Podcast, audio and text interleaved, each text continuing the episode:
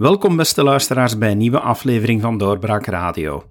Mijn gast vandaag is Philip de Bakker, vroeger staatssecretaris en minister in de regering in Wilmes. Hij heeft ook een boek geschreven, En nu is het oorlog, waarin hij terugblikt op die laatste periode bij het begin van de coronacrisis, maar ook vooruitkijkt met enkele lessen die we kunnen trekken. Welkom Philip. Hallo. Zoals ik zeg, je boek kijkt terug. Uh, misschien moet je zelf maar eens uh, wat meer vertellen op wat het terugkijkt. het boek blikt eigenlijk terug op uh, ja, de eerste en de tweede golf die we hebben meegemaakt tijdens de coronacrisis. Hè. iedereen herinnert zich nog februari, maart van, van vorig jaar, waarbij dat de eerste ja, tekenen kwamen dat er iets op ons afkwam. we zagen ook in, eerst in China, nadien in een aantal andere Europese landen de grenzen dichtgaan, uh, grote hospitalen worden opgebouwd. Uh, iedereen herinnert zich ook de beelden van in Italië, waarbij de ziekenhuizen echt uh, overweldigd werden door de eerste patiënten die met corona in het ziekenhuis moesten worden opgenomen. Ja, en toen is ook in ons land toch wel doorgedrongen dat wij ja, met een pandemie te maken hadden. En dus op dat moment ja, was er ook in onze zorgsector toch heel wat onduidelijkheid, paniek soms zelfs, omdat er gebrek was aan beschermingsmaterialen, we konden geen mensen testen, het was niet duidelijk hoe snel het virus zich ging verspreiden, er was onvoldoende data, um, ja, het was niet zeker dat er voldoende medicamenten waren, er was een beetje chaos op het terrein. en dus op dat moment hebben premier Wilmes en Magie de Blok aan mij gevraagd om het logistieke deel van die crisis, hè, dus het verzorgen van voldoende testcapaciteit, het zoeken naar voldoende maskers en beschermingsmateriaal, ervoor te zorgen dat er geen medicamenten tekort waren, dat er op de intensieve zorgen voldoende uh, zuurstof, uh, tubetjes, slangetjes, alles aanwezig was om mensen te kunnen verzorgen.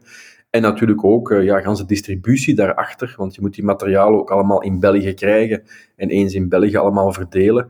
Uh, om dat eigenlijk dat luik, dat logistieke luik op mij te nemen. Dus het eerste deel van het boek ja, verhaalt toch wel in groot detail, dag na dag, wat wij allemaal hebben gedaan en meegemaakt. Dat dat niet van een leien dakje liep, dat heeft iedereen in ons land gemerkt. En dan druk ik het nog voorzichtig uit. Maar is dat iets waarop je voorbereid kan zijn? Want jullie werden er middenin gesmeten, maar had men het anders kunnen aanpakken op voorhand als je er nu op terugkijkt? Terugkijken is altijd makkelijker dan vooruitkijken, maar ja, hadden we beter voorbereid kunnen zijn? Een van de grote lessen uit de, uit de crisis en zeker het begin is, is dat als je voorbereid bent, je in ieder geval tijd koopt om dingen in orde te krijgen. En door het feit dat uh, alle Europese landen trouwens niet waren voorbereid. Hè. Er was in de meeste landen geen strategische stok van beschermingsmateriaal. Alle landen hadden een tekort aan testcapaciteit. Ook de leveranciers zelf konden niet meer volgen. Die markt van uh, beschermingsmateriaal, maar ook van, van testen, was volledig, uh, volledig kapot. De fabrieken konden gewoon niet volgen. Um, dus als je daarop voorbereid bent, ja, in zo'n scenario, dan heb je tijd om dingen op te schalen, dingen groter te maken en, en dingen beter te organiseren. Dus ja, men had wel voorbereid kunnen zijn, want heel wat internationale instellingen waarschuwen al jaren dat er een grote pandemie uh, op ons af ging komen. En dus uh, ja, dat gebrek aan voorbereiding heeft in het begin echt wel heel wat problemen gegeven. Um, heeft ook voor gezorgd dat de beslissingen soms heel moeilijk liepen. En dus de taak die ik had uh, op het logistieke luik, uh, en dat heb ik ook gedaan vanaf dag één, is daar echt structuur in te brengen. We hebben vijf werkgroepen opgericht die rond testen, rond beschermingsmateriaal, rond de intensieve zorgen, rond medicamenten en rond de logistiek zijn gaan werken met het leger, met de verschillende diensten uh, van de federale overheid samen. En dat hebben we toch ja, op, op 48 uur hebben we daar toch een structuur gezet die eigenlijk ja, internationaal op die markten beschermingsmateriaal kon gaan aankopen en ook heel snel bij het verplegend en zorgpersoneel, de dokters eh, in de ziekenhuizen te brengen.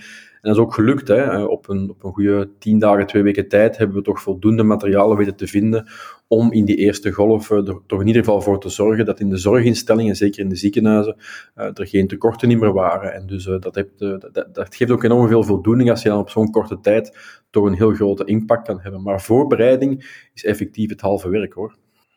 Waarom denk je dat men het aan jou is komen vragen? Want uiteindelijk, jij had al duidelijk aangegeven dat je de politiek ging verlaten en dan komt men toch voor die enorme taak bij jou aankloppen. Misschien net daarom. Uh, ik kon natuurlijk, eh, omdat ik al had gezegd dat ik uh, uit de politiek ging stappen, um, ja, ook heel vrij opereren. Hè. De, de, politieke beslissingen worden natuurlijk genomen op basis van een stukje feiten, maar ook een stukje op vlak van publieke perceptie, ook een stuk rekening houden met heel wat ja, lobbygroepen en, en, en, en uh, tussenstructuren in onze overheid die advies geven. En als je natuurlijk uh, vrij van dat alles uh, kan opereren om ja, de doelstellingen die je zelf stelt, namelijk heel snel beschermingsmateriaal, heel snel testcapaciteit op, opbouwen, ja, dan kan je wat meer vrij opereren. En dus dat, is, dat is misschien een van de redenen geweest. De tweede reden is natuurlijk dat ik met mijn achtergrond als biotechnoloog natuurlijk ook wel heel goed in staat was om in te schatten wat dat virus dat op ons afkwam ging aanrichten en, welke problemen dat ging geven. En die kennen natuurlijk ook daardoor eh, ja, heel de, de sector van, van de gezondheidszorg, eh, de farmabedrijven, de biotechbedrijven, de technologie die we nodig hadden om dingen te doen, ook de digitalisering, de data die daar onderliggend voor nodig was. Dus die dingen hebben ook wel geholpen om ja, mensen bij elkaar te brengen, de juiste beslissingen te kunnen nemen, dingen goed in te schatten, maar vooral heel snel te kunnen handelen. En dat is misschien het laatste punt. Ik ben altijd iemand geweest die ook in de politiek, maar ook daarvoor, eh, toen in de privésector werkte, iemand was die ja, heel graag actie nam en, en beslissingen durfde nemen. En dat is natuurlijk ook iemand en, en iets dat je nodig hebt in zo'n crisis. Je moet durven beslissen, je moet snel kunnen beslissen, je hebt onvolledige informatie en toch moet je ja of nee kunnen en durven zeggen. En dat heb ik ook altijd gedaan uh, gedurende gans die crisis dat ik uh, mee aan het roer stond. Dat eerste deel van je boek, Ten Oorlog, uh, zo noemt dat eerste deel, dat geeft mij het gevoel, wanneer ik het lees, dat ik er echt bij was. Dat het is geschreven in een stijl die je, die je meesleurt, die je meezuigt, bijna als een thriller. Ehm, waarom heb je dat eigenlijk op die manier willen brengen? Ik heb het gebracht op die manier, uh, omdat uh, dat echt, ik wil echt het gevoel overbrengen dat wij hebben gehad in die eerste dagen, waarbij heel wat dingen onzeker waren. Uh, het soort van beslissingen dat wij elke dag moesten nemen. Het boek begint ook met die ja, drie grote beslissingen die wij hebben genomen. Hè. Je krijgt een telefoon, iemand zegt van ja, we kunnen, we kunnen 2, 3 miljoen maskers krijgen. Is de kwaliteit goed? Ja. Is de prijs? Oké, ja. Wanneer kunnen ze geleverd worden? Binnen 2, 3 dagen? Oké, bestel ze maar, doe maar. Um, medicamenten die we heel snel uh, moesten beslissen. We konden op een gegeven moment was er een medicament uh, dat uh, door een aantal dokters naar voren werd geschoven als een soort van wondermiddel, dat achteraf niet bleek te werken. En we wisten dat eigenlijk op dat moment ook al. daar konden we toen een ton van kopen. En ik heb toen met het hoofd van het geneesmiddelagentschap gebeld, tien minuutjes om te zeggen van kijk, die optie is er. Wat denk jij? Hij zei, ik denk niet dat het werkt. Uh, nog twee, drie andere dokters gebeld. Nee, het werkt niet. We hebben het ook geprobeerd. Het werkt zeker niet. Oké, we kopen het niet. Dat zijn natuurlijk wel majeure beslissingen. En door het op die manier te schrijven, word je echt meegenomen, denk ik, in ja, de beslissingen en het tempo waarin dat wij die beslissingen hebben moeten nemen. En ook de dingen die we gedaan hebben, dag na dag, omdat we werden elke dag wel geconfronteerd met een nieuwe uitdaging. Uh, eerst waren er geen maskers, toen vonden we maskers, toen was de kwaliteit een probleem, toen, was de, toen we uit China kwamen, was dikwijls de aansluiting op het gezicht een probleem. Dus al die problemen hebben we stap voor stap opgelost uh, door uh, mensen uit China in onze taskforce op te nemen, door controles ter plaatse te gaan doen, door controles in onze eigen labo's bij aankomst van die materialen in België te doen. En natuurlijk ook hele distributie op te zetten met het leger, die op 24 uur tijd ja, eigenlijk vanuit de, de grote luchthavens een heel distributiecentrum hebben gebouwd met kwaliteitscontrole van het vak van de fotoeconomie, van de douane, om die materialen allemaal hier te krijgen. En ja, als je dat dag na dag beschrijft uh, en je ziet welke problemen dat wij allemaal hebben opgelost, uh, ja, dan wou ik echt dat gevoel wel overbrengen. Als je dat meevolgt, dat verhaal, dan valt het op dat jij eigenlijk dat heel beheerst hebt aangepakt. Um, ja, is, is dat jouw karakter of is dat uh, omwille van, van je achtergrond dat, je, dat, je op, dat je in een crisis toch zo kalm blijkt te zijn? Uh, ja, veel mensen hebben mij erop gewezen dat uh, doorheen gans die crisis ja, dat er een heel grote kalmte was en rust was. En ik denk dat te maken heeft inderdaad met mijn karakter, met mijn achtergrond, hoe, ook hoe dat ik met mensen omga. Je moet mensen hun expertise respecteren en je moet durven en kunnen delegeren. En je moet ook tegelijkertijd wel de eindverantwoordelijkheid blijven dragen. En als je die dingen kan overbrengen op je team, want we hadden een team van 60, 70 mensen die aan het meewerken waren, mensen uit de publieke sector, ambtenaren, maar ook mensen uit de private sector die we hadden aangetrokken om ons te helpen, ja, dan geef je zo'n zo team enorm veel ja, voorsprong eigenlijk. Je geeft rust, zodat zij hun werk kunnen doen. En je gaat voor dat team staan om alle aanvallen die komen van buitenaf, uh, van lobbygroepen, van belangengroepen, vanuit de media, om dat op te vangen. Dat was mijn taak. Maar tegelijkertijd ook uh, ja, de aansturing te geven die zij nodig hadden. En ook te weten dat als ze met mij belden, ze een duidelijk antwoord kregen. Duidelijkheid, zeker in zo'n acute fase van een crisis, is, is een van de belangrijkste dingen. Je moet durven beslissen. En als die beslissing niet goed uitvalt, moet je snel kunnen bijsturen. En als je dat, dat in je mensen aanbrengt, dan creëer je gewoon rust, want dan weten ze dat ze risico's durven nemen, beslissingen durven nemen, ook zelf. Uh, en dat maakt die teams gewoon veel sterker.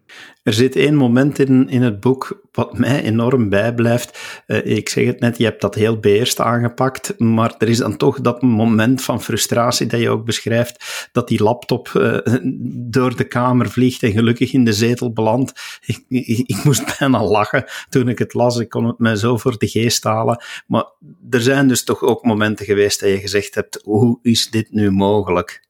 Ja, absoluut. Hè, omdat je, je ziet wat er moet gebeuren. Je probeert uh, je mensen op het terrein zo goed mogelijk aan te sturen en, en daar naartoe te brengen. Uh, en dan zie je toch dat er ja, in, in dat proces mensen zijn die dan toch uh, op hun eigen vierkante meter blijven kijken, die het grote geheel niet kunnen zien, die, die dwars liggen om dwars te liggen. En ja, als dat dag na dag gebeurt, gewoon uit koppigheid, ja, dan is het wel heel moeilijk om om rustig te blijven. Want uh, ik ben wel iemand die zegt van, kijk, of we gaan die richting uit, iedereen, iedereen gaat mee.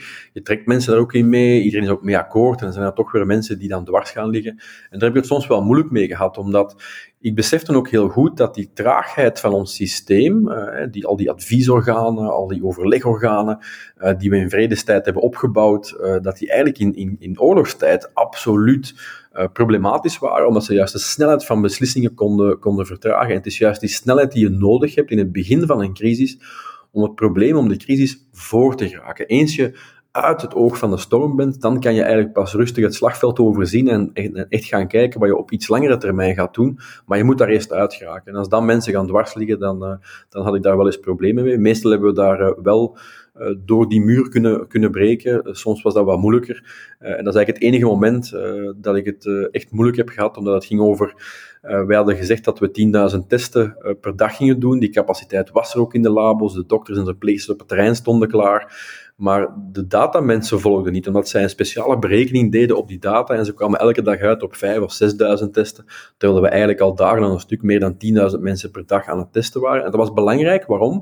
Voor de geloofwaardigheid van ons team. Want wij hadden gezegd dat we die target hadden gezet, we hadden die gehaald, ja, en, en de cijfers volgden niet. En dus we hebben eigenlijk op twee, drie dagen, uh, na toch wel wat, wat bakkeleien en een computer die in de lucht was gevlogen, uh, is men dan toch eindelijk beseft dat dat belangrijk was en is men uh, de cijfers effectief zoals ze waren gaan rapporteren en niet meer naar een zeer complexe analyse die niemand niet begreep. En dus dan bleek al duidelijk dat wij heel snel boven die 10.000 testen per dag zijn geraakt zo snel zelfs dat bijvoorbeeld de Duitse ambassadeur ons ook belde en zei van kijk, wij zijn in Duitsland het topland in Europa qua testen, jullie zijn ons voorbijgestoken begin april, wat zijn jullie daaraan doen en wat kunnen wij van jullie leren? Kun je ons, aan ons komen uitleggen hoe dat jullie dat aan het doen zijn? Dus het zorgde ook mee voor dat uh, ja, het was een element om ook de perceptie te breken dat België zo'n beetje de zieke man van Europa was. Dat was absoluut niet zo. We hebben op heel wat zaken, niet alleen op het vlak van testcapaciteit, maar ook op het vlak van data, uh, op het vlak van bijvoorbeeld het gebruik van CT-scans om diagnoses te stellen, het, invullen van, van, het invoeren van de PLF bijvoorbeeld, het Passenger Location Form, om mensen die binnen en buiten België reisden te kunnen opvolgen. Het zijn allemaal dingen die in België begonnen zijn en dat beschrijf ik ook in het boek, want er zijn ook effectief wel heel wat dingen goed gegaan.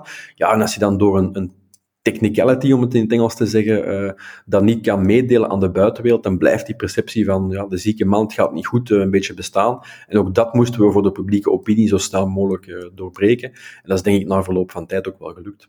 Het volgende deel noemt dan 12 lessen voor de volgende crisis. En ik moet bijna zeggen dat ik de exactheid van die titel jammer vind, want daar staat voor de volgende crisis.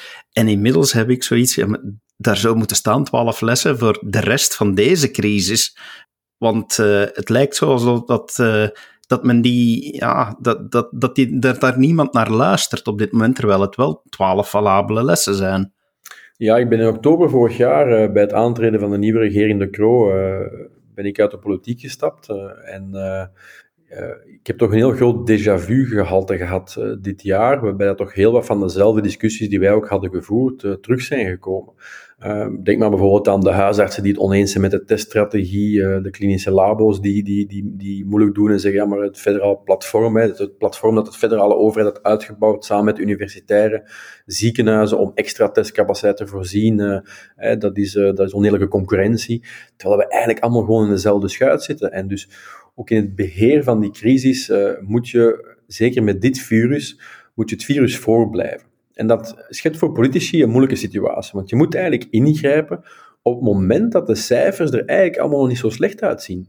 Maar wetenschappers zien in die cijfers natuurlijk wel de start van een exponentiële golf. En eigenlijk moet je op dat moment durven ingrijpen. En ja, in ons land slagen we daar toch heel moeilijk in om, om, om zo'n beslissingen dan ja, te nemen op het moment dat het eigenlijk nodig is. We nemen heel vaak beslissingen als we met de rug tegen de muur staan. En dat zie je ook in andere dossiers, zoals de pensioenen, het klimaat, de arbeidsmarkt. Dat zijn ook dossiers die al decennia lang aanslepen. De expertenrapporten liggen daar. Iedereen weet wat er moet gebeuren. Iedereen ziet het probleem op ons afkomen.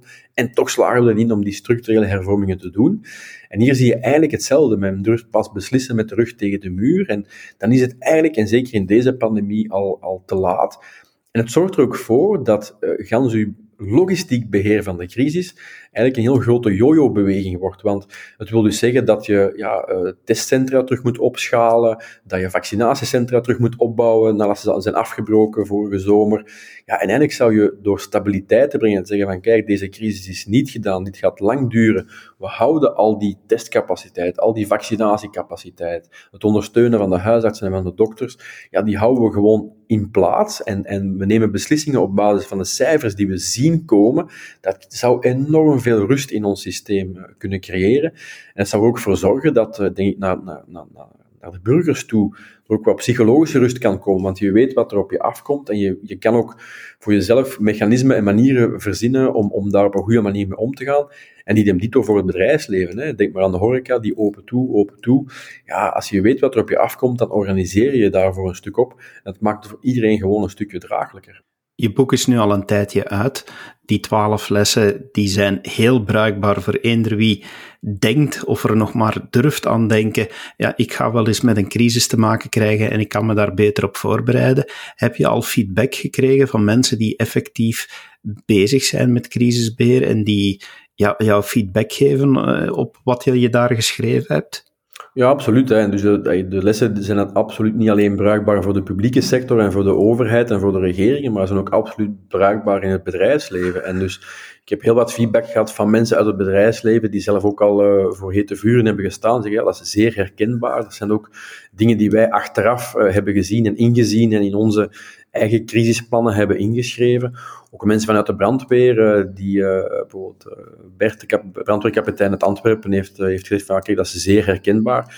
En wat ook opvallend is, um, de meeste mensen die al een crisis hebben meegemaakt, die zeggen ook van, kijk, ja, je hebt eigenlijk op heel wat punten de juiste reflexen gehad met je team. Om, om er echt voor te zorgen dat je de juiste dingen op het juiste moment hebt gedaan om zo'n crisis aan te pakken.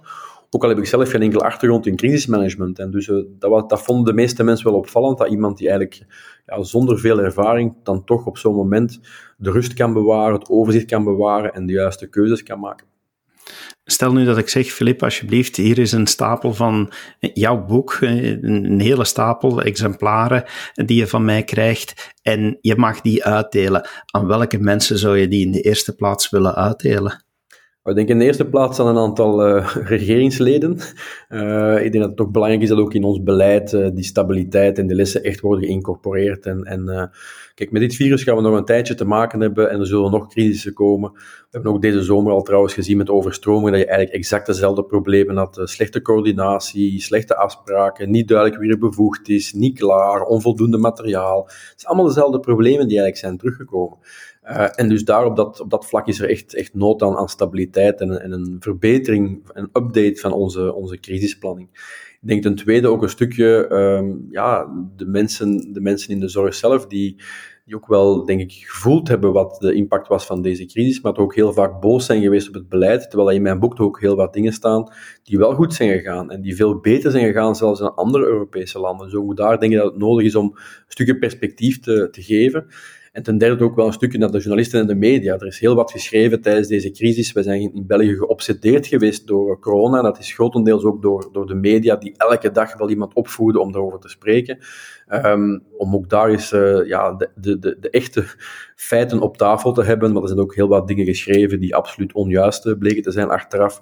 En men laat zo mensen uh, allemaal maar aan het woord, zonder er eigenlijk in te schatten wat de consequenties daarvoor zijn. Niet alleen voor de teams en, en, en, de, de zorgpersoneel dat elke dag in de weer is, maar ook op de algemene bevolking. Dat is enorm demotiverend als er verhalen beginnen te verschijnen die eigenlijk achteraf gewoon niet blijken te kloppen, die belust waren op sensatie. Maar dat werkt wel uh, verwarrend en demotiverend voor heel wat uh, van, van, van mensen, denk ik. Wat dat ik me al een hele tijd afvraag, Filip, is had je de plannen al op voorhand om dit boek te schrijven? En ik stel die vraag omdat het zo duidelijk is, zo gedetailleerd. Dus ofwel heb je heel goed notities bijgehouden eh, en, en had je dat misschien gepland om die te gebruiken nog, ofwel ben je iemand met een geweldig geheugen. Uh, nee, dat is niet het eerste wat in je opkomt als, uh, als de premier u belt om, om zo'n taak op u te nemen. Dat is niet het eerste wat je denkt, en nu ga je daar binnenkort eens een boek over schrijven. Ik heb wel, omdat het uh, tijdens de crisis soms zo hectisch was uh, en we bij honderden problemen tegelijkertijd werden geconfronteerd, heb ik wel goed notities bijgehouden. Dus ik kon eigenlijk perfect zeggen wat er dag na dag was, uh, was gebeurd, afgesproken, welke discussies dat er waren geweest. Um, en het heeft me ook wel geholpen om mij voor te bereiden op de onderzoekscommissie dan van maart dit jaar in het federaal parlement. En eigenlijk bij die hoorzitting, ehm, toen mensen eigenlijk het ganse verhaal te zien kregen, hebben heel veel mensen me achteraf laten weten, ja, je zou eigenlijk een boek over moeten schrijven. Dat is echt waardevol, alleen, niet alleen om te documenteren wat er is gebeurd, maar ook om daar lessen uit te trekken hoe je eigenlijk op een goede manier uh, crisisbeheer kan aanpakken. Het staat ook letterlijk zo in de aanbevelingen van de onderzoekscommissie in het federaal parlement dat voor de toekomst van het crisisbeheer in België men best eens zou kijken naar de taskforce van de bakker uh, om te kijken wat daar allemaal is gebeurd, omdat dat eigenlijk de best practice, de best example is van hoe je zo'n crisis uh, kan aanpakken. dus dat is natuurlijk wel een mooie pluim op de hoed van het ganse team geweest op dat moment. en dus het is ook wel belangrijk dacht ik op dat moment om, om, om het door te geven. Het heeft nog een klein duwtje gevraagd van, van Karel en een aantal andere mensen om het effectief te doen tijdens deze zomer. Maar het heeft wel een enorme voldoening gegeven om het te kunnen neerschrijven, om ook de positieve verhalen te schrijven, om ook te laten zien dat er heel wat civil servants waren in onze administratie die dag en nacht hebben gewerkt, die fantastisch werk hebben geleverd.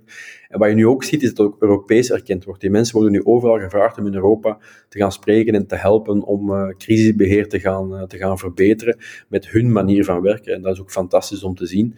En ik hoorde deze week nog van iemand, en dat was helemaal het mooiste compliment, dat eigenlijk uh, de vijf werkgroepen van de taskforce tot op vandaag eigenlijk nog altijd actief zijn. De ambtenaren hebben zelf het initiatief genomen om op die manier te blijven werken, omdat zij ook heel goed beseffen dat die manier van werken eigenlijk de enige manier is om tijdens een crisis te blijven functioneren.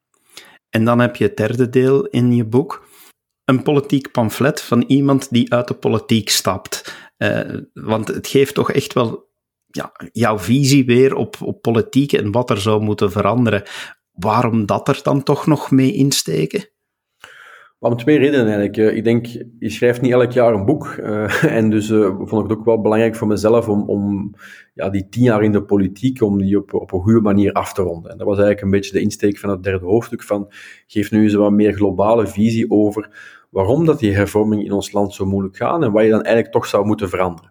Dus ik heb altijd gezegd dat, uh, je zag het al tijdens de crisis, hè, dat er een relanceplan moest komen. Maar relance heeft te maken met ja, opnieuw opstarten wat je vroeger al deed. En dan is volgens mij echt de, de, de, foute manier van denken. Je moet de crisis gebruiken om juist de 21ste eeuw binnen te stappen en ervoor te zorgen dat er hervormingen gebeuren. Dat dingen anders in zijn werk zullen gaan in de toekomst, want anders loop je tegen dezelfde problemen aan. Dus je zal een aantal uh, zaken in ons land echt fundamenteel moeten hervormen. Je zal de arbeidsmarkt moeten hervormen, de pensioenen, je zal veel meer moeten doen rond klimaat, je moet het ondernemerschap aanmoedigen, het onderwijs moet, uh, moet verbeterd worden. Want dat leidt ertoe dat je uiteindelijk uh, ja, echt een betere maatschappij opbouwt en dat je die crisis echt gebruikt om, om je maatschappij te veranderen, om een betere toekomst te hebben. En daarvoor is er natuurlijk ook, en dat is altijd eh, de elephant in the room geweest, is er een staatshervorming nodig. Niet alleen uh, voor crisisbeheer beter te doen, want ik denk dat de crisis echt wel de zwakheden van ons eh, zeer complexe politieke systeem heeft blootgelegd, maar die zwakheden spelen even hard mee achter de schermen als je normaal in vredestijd beleid moet voeren. En dus ook daar uh, wijd ik wel een stukje aan om te zeggen van kijk, hoe zou zo'n staatshervorming daar nu moeten uitzien? Op welke principes moet je die nu baseren? In plaats van te zeggen meer bevoegdheden voor de ene, voor meer geld voor de andere, moet je echt eens een doorgedreven efficiëntieoefening maken. En eigenlijk zelfs je grond, grondwet vanuit een wit blad schrijven om ervoor te zorgen dat je dingen efficiënt kan opbouwen. Moet een overheid nog tussenkomen, ja of nee? Als ze moet tussenkomen, Hoe moet ze dat dan doen? Moet ze arbiter zijn of moet ze zelf speler zijn? En als ze zelf speler wil worden, ja, welke principes hanteer je dan van uh, good governance en good management om ervoor te zorgen dat ook die dienstverlening uh, naar de burger toe uh, tip-top in orde is?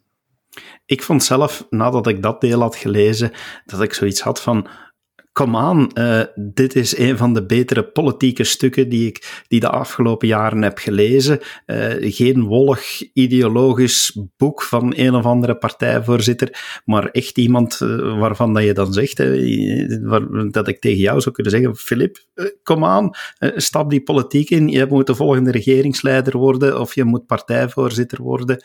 Um, stel nu dat duizenden mensen dat boek lezen en je dat komen zeggen, blijft de politiek toch een afgesloten hoofdstuk? Ja, ik heb zelfs gezien dat een aantal mensen, naar aanleiding van het boek, ook een hashtag op Twitter waren begonnen, Phil for President. Uh, we hebben altijd geen presidentieel regime, dus, uh, maar uh, nee, het doet wel deugd om, om te zien dat zoveel mensen daar positief op, op, reageren. Maar ik heb voor mezelf ook wel een heel bewuste keuze gemaakt, twee jaar geleden, om uit de politiek te stappen. Ik heb dat tien jaar gedaan. Um, en, en ik ben op dat vlak een meer anglo-saxisch type. ik ben zo iemand die, je moet, denk ik, als je bepaalde kwaliteiten en capaciteiten hebt, moet je die ook ten dienste durven stellen van het algemeen belang en van het algemeen goed. En, en in Anglo-Saxische landen is het heel vaak zo dat mensen aan het begin van hun carrière of aan het einde van hun carrière uh, is tien jaar uh, in de regering gaan of als ambtenaar uh, bepaalde de departementen gaan leiden. en, en ik heb echt die filosofie ook voor mezelf gevolgd van ik heb dat nu tien jaar gedaan. Er zijn ook andere dingen die ik nog graag zou doen, dus laat mij die nu eerst maar doen. Maar never say never, hè, want uh, er is ook tijdens deze crisis uh, zijn ook wel een aantal comebacks gebeurd uh, die zeer onverwacht waren. Dus misschien bij de volgende crisis dan, dan mogen ze nog eens bellen. Wie weet wat er nog gaat gebeuren. Het boek En nu is het oorlog is te koop op boeken.doorbraak.be en is zeker een aanrader tijdens deze kerstperiode die er aankomt en wie weet tijdens een periode dat u weer gedwongen thuis moet zitten. Dank u om te luisteren en heel graag tot een volgende keer. Dag. Dit was een episode van Doorbraak Radio, de podcast van doorbraak.be. Volg onze podcast op doorbraak.be/radio of via Apple Podcasts, Overcast of Spotify. Bezoek ook onze website op doorbraak.be en steun ons door een vriend te worden van Doorbraak.